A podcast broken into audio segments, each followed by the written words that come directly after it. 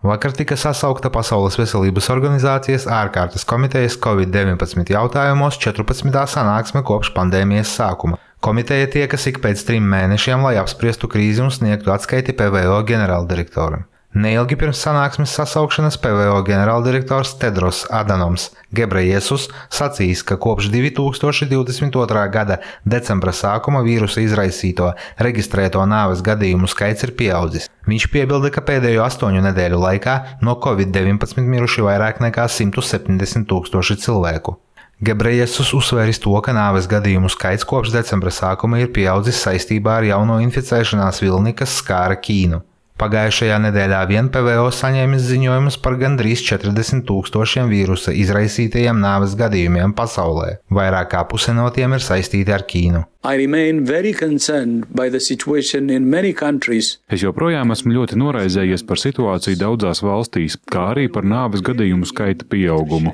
Lai gan mēs esam acīm redzami labākā situācijā nekā pirms trim gadiem, kad šī pandēmija pirmo reizi mūs skāra, tomēr globāla kolektīvā reaģēšana atkal ir apgrūtināta.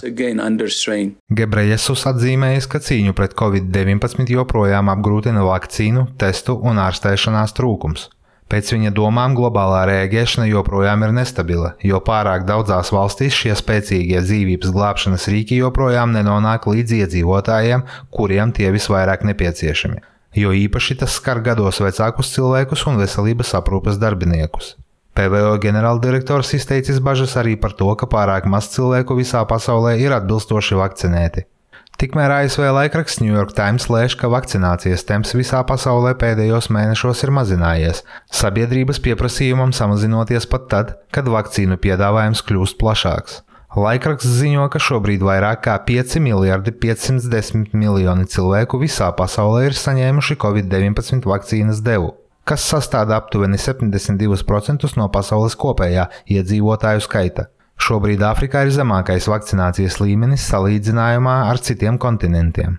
Tur tikai 35% iedzīvotāju ir saņēmuši vismaz vienu vakcīnas devu.